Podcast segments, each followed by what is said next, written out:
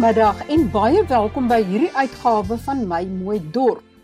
Ons het onlangs gesels met Callie Kriel van AfriForum oor die nuwe energieplan wat hulle vir die land het. En toe ek beloof ek gaan meer uitvind oor sonpanele. Dit wat beskikbaar is in die land en waarna jy moet kyk as jy besluit om sonpanele op jou dak te sit. Het sy jy 'n residensiële huishouding het en of jy 'n sakeman is met 'n groot gebou ergens in die stad. My gas vandag is professor Johan Rens. Hy's verbonde aan die Noordwes Universiteit en spesifiek aan die skool van elektriese, elektroniese en rekenaarsingenieurswese. Hy het AfriForum gehelp om die gids op te stel oor hoe mense te werk moet gaan om die regte en die beste sonpanele vir jou omstandighede te kies en ons gaan nou vandag daaroor gesels. Professor Rens, kyk mens verskillend na sonpanele as mens nou 'n huis het en of jy 'n sakeonderneming het of is dit maar dieselfde beginsels wat geld?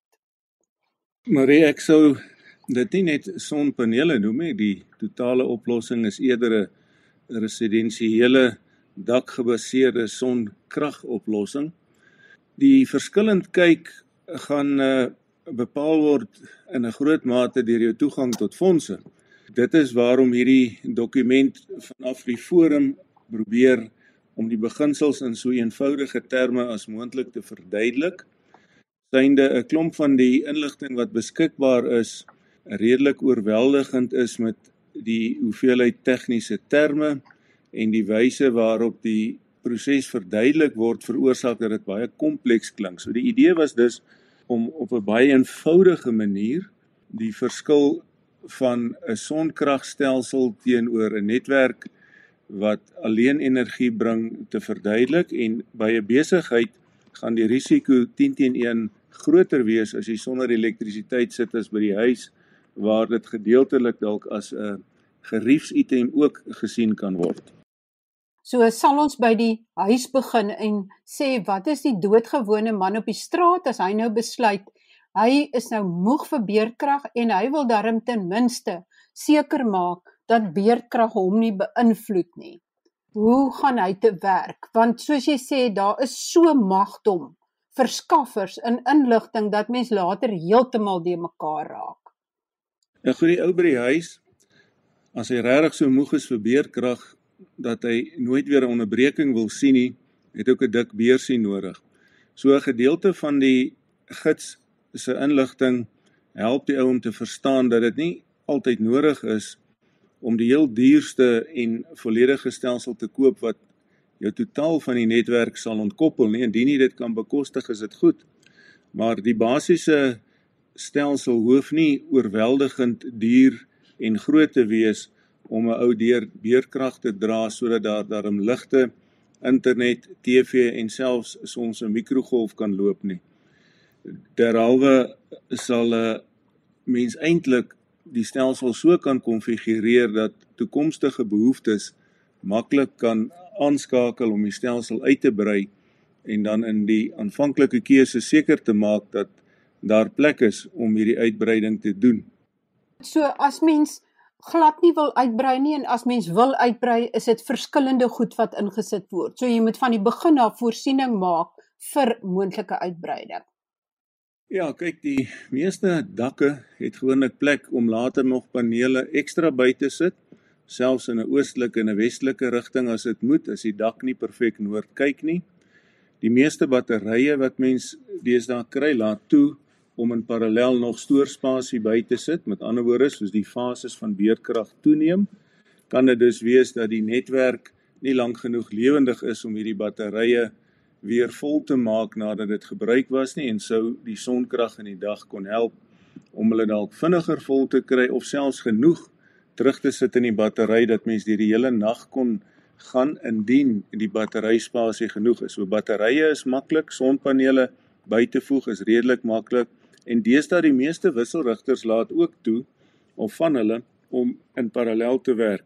As jy byvoorbeeld weggespring het weens jou begroting met net 'n 5 kVA wisselrigter, laat die meeste modelle selfs van die goedkoper modelle dit toe om 'n tweede een toekomstig in parallel te sit. Dit is egter gewoonlik nie die wisselrigter wat die beperkende item is nie, want selfs met 'n kleinerige 5 kVA wisselrigter kan die meeste huishoudings ver kom. Jy sal natuurlik nou nie kan koek bak in 'n oond nie, maar daar kan al 'n klomp goed in die huis gedoen word. Die probleem ontstaan indien die battery leegloop met die fases wat nou al hoe langer raak. Deesdae um, het ons tot 11 en 'n half ure per dag 'n kragonderbreking.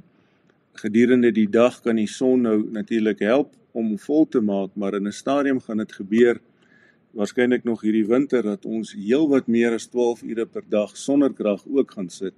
En dan moet mens of die verbruik baie laag maak dat die battery nie hard werk nie of doodgewoon net genoeg batterye hê om deur daardie lang donker tyd te kan kom. Hoe lank hou 'n battery omtrent? Vir hoe lank kan hy as hy vol gelaai is, sy enkel battery? Ja.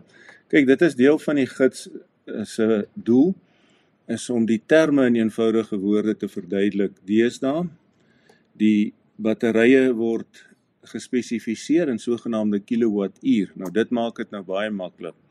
Die mees gewilde batterye sal rondom 5 kWh wees. Dit beteken letterlik jy kan 5 kW uit hierdie battery uithaal vir 'n uur.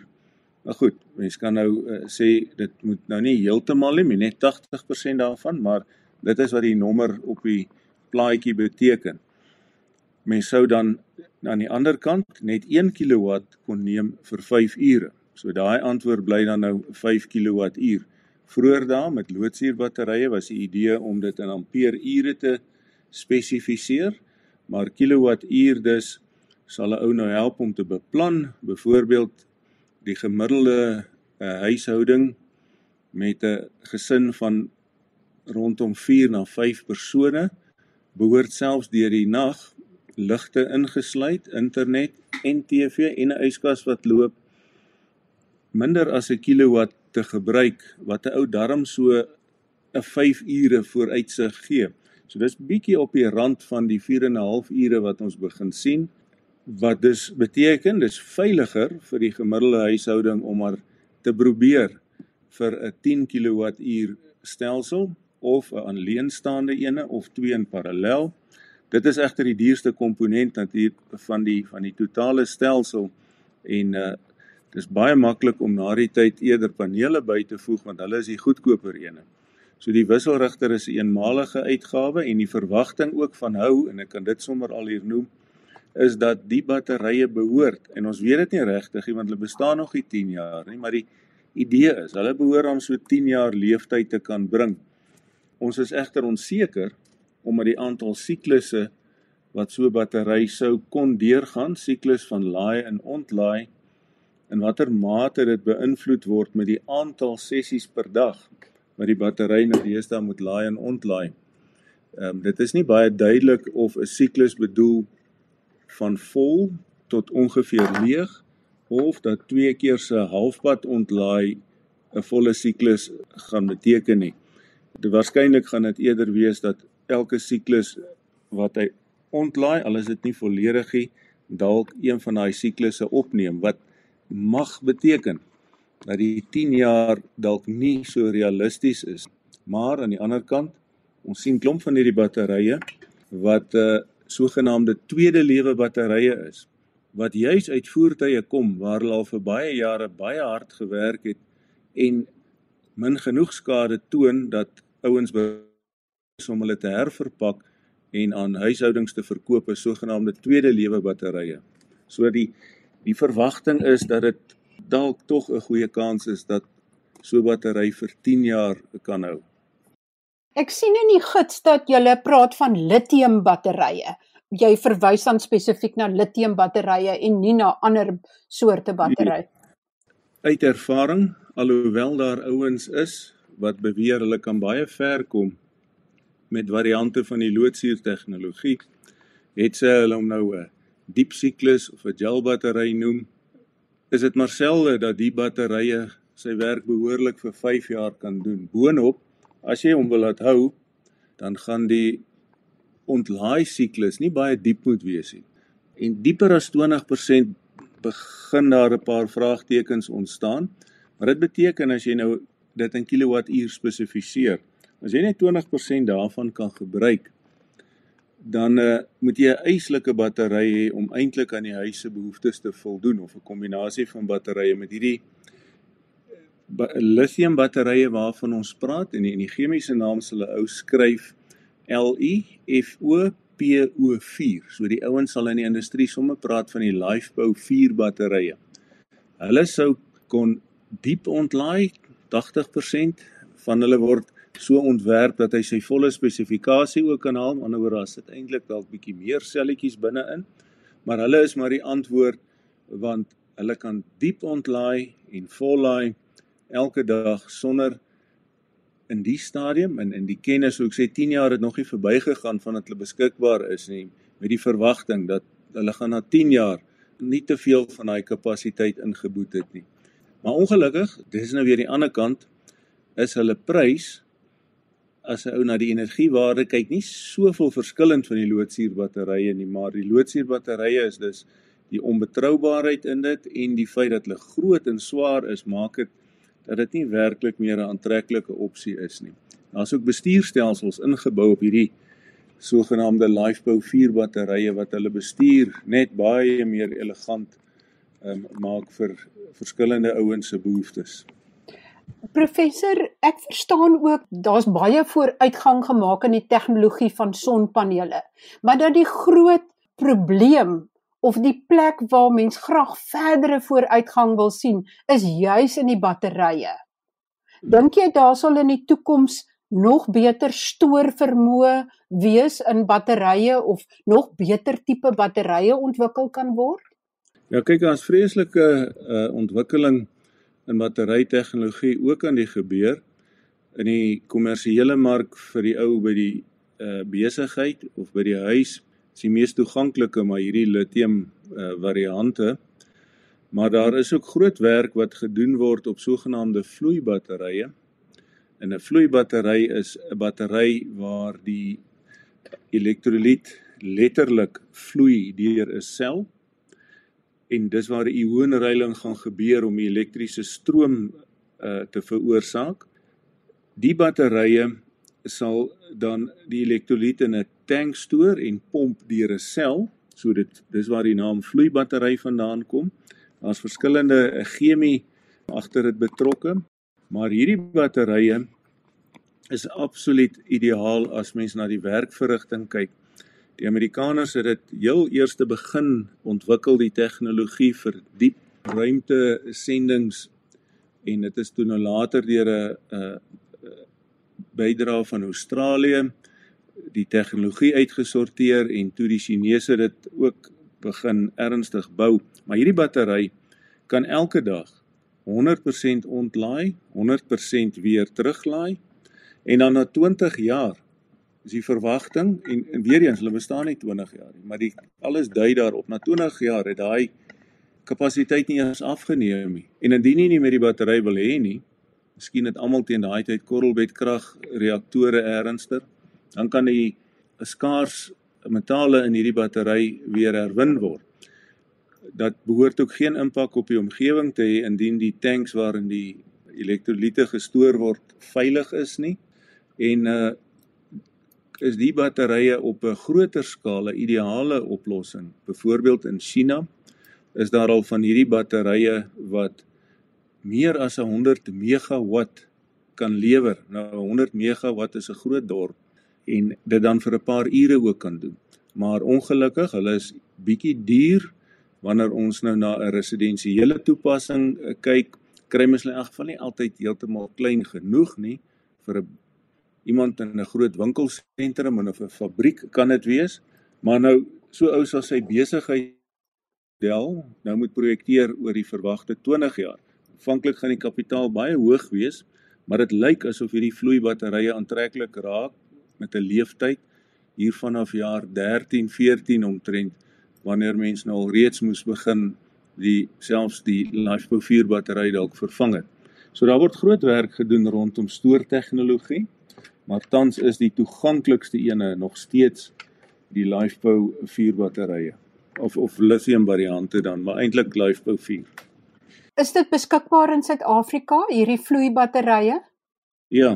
Daar's 'n paar ouens wat in hierdie veld ehm um, navorsing in in die chemiekant asook in die toepassing van die battery en daar is al kommersiële uh, modelle ook beskikbaar.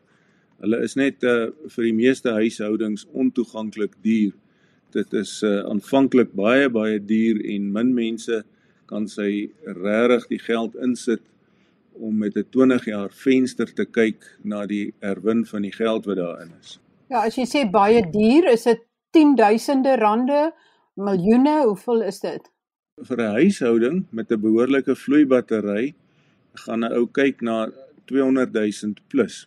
So mens kan al reeds 'n volledige sonstelsel behoorlike ene vir 150 000 insit by die huis selfs van die ouens wat 'n uh, 'n bietjie verdagte verskaffers is, sal dit kan doen vir 120 000. So in daai orde sou mens al 'n wisselrigter battery en 'n klompie panele geïnstalleer die hele stelsel kan neersit, maar net die vloeibattery, 'n behoorlike ene, ek sê nou behoorlik ene wat daarom 'n huis se werk kan doen 200 000. Dan net die battery. Net die battery. Goed, ons het nou gekyk na batterye. Maar wat van die sonpanele? Is daar sekere moets en moenies waarna mens moet kyk as jy nou moet besluit oor 'n spesifieke soort sonpaneel of is almal maar dieselfde wat beskikbaar is? Nee, omdat die mark so lewendig is en elke verskaffer van sonkragstelsels sal getuig dat daar is nie tyd om te rus nie. Dit het ongelukkig veroorsaak dat daar ook klomp vreemde produkte wat op die oog af subkwaliteit blyk te wees bestaan. Daar's 'n paar bekende sonpanele vervaardigers wat ou kan redelik rustig wees dat die beloofde 20 jaar en meer tog sal realiseer. En dis nou juist die probleem. Daar's nou klomp sonpanele in omloop wat ouens op maniere uit die verre ooste kry wat ons glad nie weet wat die kwaliteit is nie van hulle die boukwaliteit kan mense al reeds sien is nie wonderlik nie. En uh sou ek maar versigtig wees om geld op hulle uit te gee. Maar daar is enkele uh, paneelvervaardigers wat al vir jare lank die mark domineer wat ons weet die goed doen hulle belofte gestand. Hulle gaan vir 'n oue 20 jaar of meer diens kan gee. Daar is in terme van sonpaneel tegnologie waarin hy hier verwys het, ook natuurlik werk wat gedoen word, byvoorbeeld die sogenaamde tandem uh, tegnologie beteken dat die paneel se effektiwiteit met omtrent 50% kan groei van 20 na 30% deurdat daar eintlik verskillende lae van halfgeleier materiale gebruik word om verskillende golflengtes se energie in tandem vas te vang.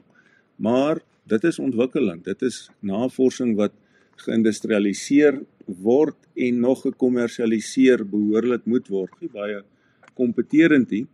En in Suid-Afrika is dit selde dat ons regtig so 'n groot spasie probleem het dat die ekstra in totaal dis 'n verhoging van 50%, maar dit dit so belangrik is. Ons kan maar vir goedkoper 'n klomp meisiening ekstra panele wat 20% effektief is net insit en dan is ons weer terug waar ons wou gewees het. So ons kyk met verwagting na beter panele, maar ek kan nie dink dat dit in die volgende 5 jaar daar vreeslike wonderlike verskille gaan kom nie. Die Kan jy dalk enige name noem van betroubare sonpaneelvervaardigers?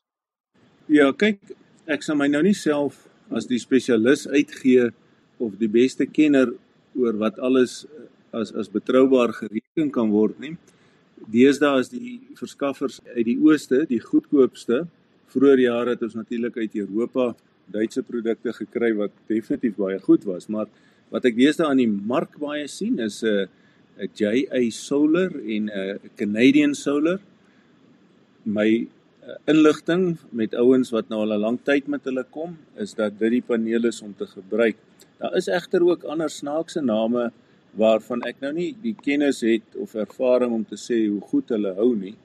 Maar daai twee, kyk met panele is daar nie soveel opsies as met batterye of wisselrigters nie. Met die goed is daar hande vol make wat totaal verskillend is en uh daar moet 'n ou dalk nog versigtiger trap maar die bekende panele Canadian Solar en JA Solar en die bekende betroubare battery mense of vervaardigers as mens van die name mag noem en daar is daar kom by wat ek sien en ek volg van die gespreksgroepe waar ouens hulle ervaring deel um, is daar definitief goeie ervaring met 'n uh, sogenaamde Freedom One. Dit is nie One nie, dis is W O N en dan is daar 'n uh, um, Blue Nova wat ook lokale verteenwoordiging het.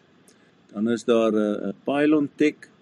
Dan hoor ek van ouens wat nou al vir 'n jaar of meer met die sogenaamde Hubble batterye kom dat dit baie goed gaan met die batterye en die vervaardiger van dit beweer dat die aantal siklusse deur die battery onbeperk is. Indien dit kan waar wees, is dit wonderlik, want dan beteken dit 10 jaar is dalk veilig, want dis die waarborg wat die meeste ouens nou gee en dalk verder. Maar dan sien ek ook daar is vervaardigers en die ene het 'n baie sterk verteenwoordiging in Suid-Afrika, Sansink. En en dink nou net oor hoe lank tyd is 10 jaar waar as jy die battery koop wat hulle nou vir 10 jaar wil waarborg en jy gebruik dit saam met hulle wisselrigter, dan raak die wisselrigter se waarborg ook 10 jaar. Nou kan jy verstaan dat 'n ou se belegging in sonkrag nou baie veiliger raak. As jy kan 'n battery insit met 'n wisselrigter wat jy weet 10 jaar gaan hou, plus sonpanele wat jy weet meer as 20 jaar gaan hou, die kans is goed dat daai wisselrigter gaan niks meer keer nie. En miskien gaan jy na 10, 12 jaar dalk nou maar net 'n nuwe stel batterye kry. So al hoe meer maak hierdie belegging in 'n volledige oplossing al hoe meer sin.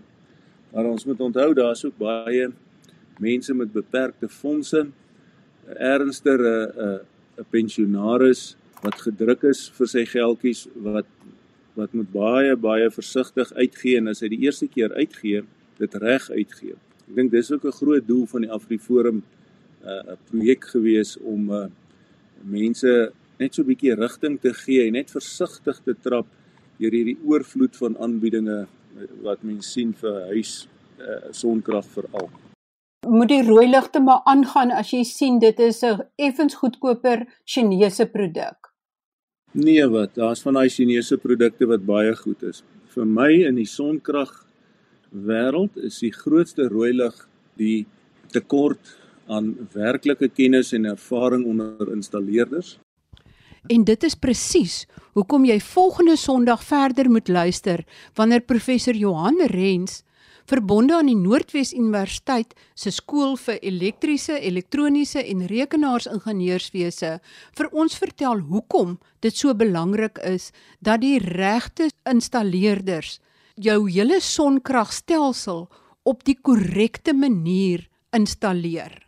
Want daar is baie nuwe installeerders wat nou opgeduik het en wat moontlik nie kosher is nie wat later vir jou groot trane kan besorg. Besoek intussen gerus RSG se webwerf rsc.co.za. In die artikel onder topstories oor sonpanele is daar 'n skakel na AfriForum se gids oor hoe jy die beste batterye, sonpanele, kragstelsels en installeerders kan kies. Tot volgende week dan. Baie groete van my, Marie Hudson.